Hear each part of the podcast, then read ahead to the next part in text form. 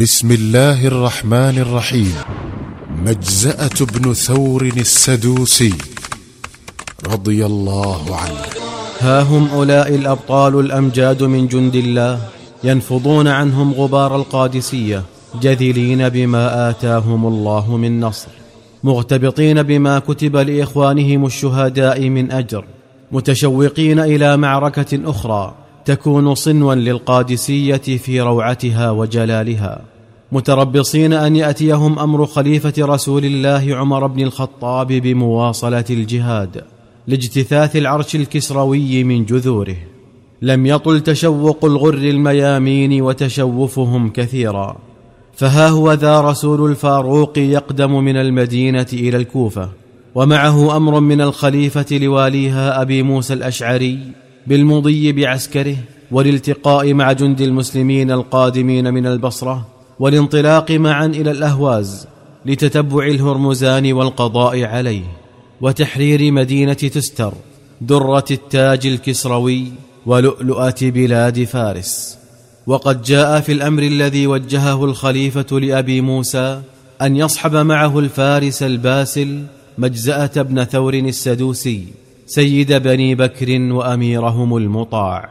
صدع أبو موسى الأشعري بأمر خليفة المسلمين فعبأ جيشه وجعل على ميسرته مجزأة بن ثور السدوسي وانضم إلى جيوش المسلمين القادمة من البصرة ومضوا معا غزاة في سبيل الله. فما زالوا يحررون المدن ويطهرون المعاقل والهرمزان يفر أمامهم من مكان إلى آخر حتى بلغ مدينة تستر واحتمى بحماها. كانت تستر التي انحاز إليها الهرمزان من أجمل مدن الفرس جمالا وأبهاها طبيعة وأقواها تحصينا. وهي إلى ذلك مدينة عريقة ضاربة في أغوار التاريخ مبنية على مرتفع من الأرض على شكل فرس يسقيها نهر كبير يدعى بنهر دجيل. وفوقها شاذروان وهو منهل ماء له حوض ونوافير. بناه الملك سابور ليرفع إليها ماء النهر من خلال أنفاق حفرها تحت الأرض. وشاذروان تستر وأنفاقه عجيبة من عجائب البناء. شيد بالحجارة الضخمة المحكمة ودعم بأعمدة الحديد الصلبة وبلط هو وأنفاقه بالرصاص. وحول تستر سور كبير سامق يحيط بها إحاطة السوار بالمعصم. قال المؤرخون عنه إنه أول وأعظم سور بني على ظهر الأرض. ثم حفر الهرمزان حول السور خندقا عظيما يتعذر اجتيازه وحشد وراءه خيرة جنود فارس. عسكرت جيوش المسلمين حول خندق تستر وظلت ثمانية عشر شهرا لا تستطيع اجتيازه. وخاضت مع جيوش الفرس خلال تلك المدة الطويلة ثمانين معركة. وكانت كل معركة من هذه المعارك تبدأ بالمبارزة بين فرسان الفريقين ثم تتحول إلى حرب ضارية ضروس. وقد أبلى مجزأة بن ثور في هذه المبارزات بلاء أذهل العقول وأدهش الأعداء والأصدقاء في وقت معا. فقد تمكن من قتل مئة كمي من فرسان الأعداء مبارزة فأصبح اسمه يثير الرعب في صفوف الفرس ويبعث النخوة والعزة في صدور المسلمين. وعند ذلك عرف الذين لم يكونوا قد عرفوه من قبل لما حرص أمير المؤمنين على أن يكون هذا البطل الباسل في عداد الجيش الغازي. وفي آخر معركة من تلك المعارك الثمانين حمل المسلمون على عدوهم حملة باسلة صادقة فأخلى الفرس لهم الجسور المنصوبة فوق الخندق ولاذوا بالمدينة وأغلقوا عليهم أبواب حصنها المنيع. انتقل المسلمون بعد هذا الصبر الطويل من حالة سيئة إلى أخرى أشد سوءا فقد أخذ الفرس يمطرونهم من أعالي الأبراج بسهامهم الصائبة. وجعلوا يدلون من فوق الأسوار سلاسل من الحديد في نهاية كل سلسلة كلاليب متوهجة من شدة ما حميت بالنار. فإذا رام أحد جنود المسلمين تسلق السور أو الاقتراب منه أنشبوها فيه وجذبوه إليهم فيحترق جسده ويتساقط لحمه ويقضى عليه. اشتد الكرب على المسلمين وأخذوا يسألون الله بقلوب ضارعة خاشعة أن يفرج عنهم وينصرهم على عدوه وعدوهم. وبينما كان أبو موسى الأشعري يتأمل سورة أستر العظيم يائسا من اقتحامه سقط أمامه سهم قذف نحوه من فوق السور. فنظر إليه فإذا فيه رسالة تقول لقد وثقت بكم معشر المسلمين وإني أستأمنكم على نفسي ومالي وأهلي ومن تبعني ولكم علي أن أدلكم على منفذ تنفذون منه إلى المدينة. فكتب أبو موسى أمانا لصاحب السهم وقذفه إليه بالنشابة. فاستوثق الرجل من أمان المسلمين لما عرف عنهم من الصدق بالوعد والوفاء بالعهد وتسلل إليهم تحت جنح الظلام وأفضى لأبي موسى بحقيقة أمره. فقال نحن من سادات القوم وقد قتل الهرمزان أخي الأكبر وعدا على ماله وأهله وأضمر لي الشر في صدره حتى ما عدت آمنه على نفسي وأولادي فآثرت عدلكم على ظلمه ووفاءكم على غدره وعزمت على أن أدلكم على منفذ خفي تنفذون منه إلى تستر فأعطني إنسانا يتحلى بالجرأة والعقل. ويكون ممن يتقنون السباحة حتى أرشده إلى الطريق. استدعى أبو موسى الأشعري مجزأة بن ثور السدوسي وأسر إليه بالأمر وقال أعني برجل من قومك له عقل وحزم وقدرة على السباحة. فقال مجزأة اجعلني ذلك الرجل أيها الأمير. فقال له أبو موسى إذا كنت قد جئت فعلى بركة الله.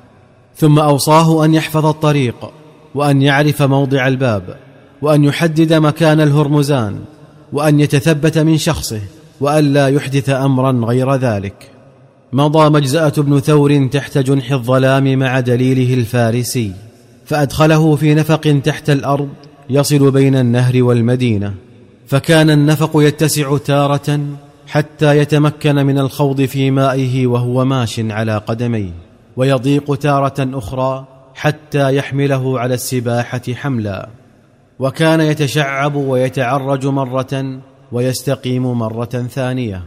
وهكذا حتى بلغ به المنفذ الذي ينفذ منه إلى المدينة وأراه الهرمزان قاتل أخيه والمكان الذي يتحصن فيه. فلما رأى مجزأة الهرمزان هم بأن يرديه بسهم في نحره. لكنه ما لبث أن تذكر وصية أبي موسى له بأن لا يحدث أمرا. فكبح جماح هذه الرغبة في نفسه وعاد من حيث جاء قبل بزوغ الفجر. أعد أبو موسى ثلاثمائة من أشجع جند المسلمين قلبا وأشدهم جلدا وصبرا وأقدرهم على العوم وأمر عليهم مجزأة بن ثور وودعهم وأوصاهم. وجعل التكبير علامة على دعوة جند المسلمين لاقتحام المدينة. أمر مجزأة رجاله أن يتخففوا من ملابسهم ما استطاعوا حتى لا تحمل من الماء ما يثقلهم. وحذرهم من أن يأخذوا معهم غير سيوفهم وأوصاهم أن يشدوها على أجسادهم تحت الثياب ومضى بهم في آخر الهزيع الأول من الليل. ظل مجزأة بن ثور وجنده البواسل نحوا من ساعتين يصارعون عقبات هذا النفق الخطير فيصرعونها تارة وتصرعهم تارة أخرى. ولما بلغوا المنفذ المؤدي إلى المدينة وجد مجزأة أن النفق قد ابتلع مئتين وعشرين رجلا من رجاله وأبقى له ثمانين. وما إن وطئت أقدام مجزأة وصحبه أرض المدينة حتى جردوا سيوفهم وانقضوا على حماة الحصن فأغمدوها في صدورهم. ثم وثبوا إلى الأبواب وفتحوها وهم يكبرون.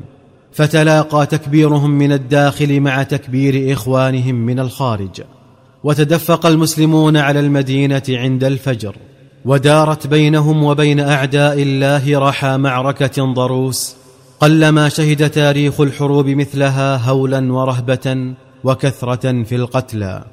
وفيما كانت المعركة قائمة على قدم وساق أبصر مجزاة بن ثور الهرمزان في ساحها فقصد قصده وساوره بالسيف. فما لبث أن ابتلعه موج المقاتلين وأخفاه عن ناظريه. ثم إنه بدا له مرة أخرى فاندفع نحوه وحمل عليه. وتصاول مجزاة والهرمزان بسيفيهما فضرب كل منهما صاحبه ضربة قاضية. فنبى سيف مجزأه وأصاب سيف الهرمزان. فخر البطل الكمي الباسل صريعا على أرض المعركة وعينه قريرة بما حقق الله على يديه.